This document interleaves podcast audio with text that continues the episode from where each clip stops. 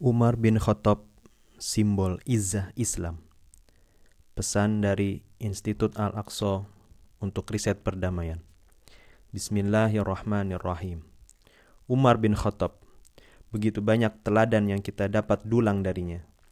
Ialah yang hidayahnya didoakan Rasulullah Shallallahu Alaihi Wasallam agar dapat menguatkan Islam.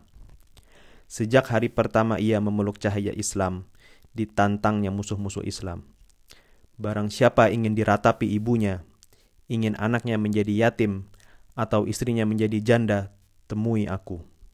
Rasulullah dan para sahabat yang tadinya berdakwah dalam senyap sunyi di Darul Arqam, kini bisa berdakwah dengan gagah, penuh izzah, tinggi, agung, mulia.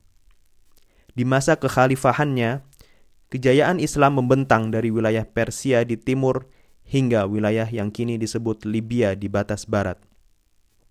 Islam tidak lagi sebatas menanjung Arab, tetapi menerabas batas-batas dunia. Beraneka warna kulit, ras, dan bahasa kini menyerukan nama Allah, Tuhan satu-satunya. Islam berjaya, berizzah.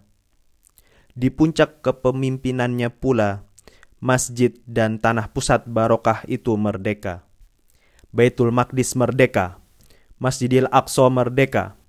Setelah ratusan tahun berada dalam penjajahan, kini Umar bin Khattab membuka pintunya lebar-lebar.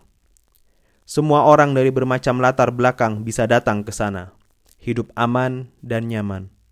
Kiblat pertama Nabi Muhammad yang dikunjunginya saat Isra Mi'raj kini dimuliakan, gagah perkasa. Izah yang dicontohkan Umar bin Khattab itu ada di mana saat ini?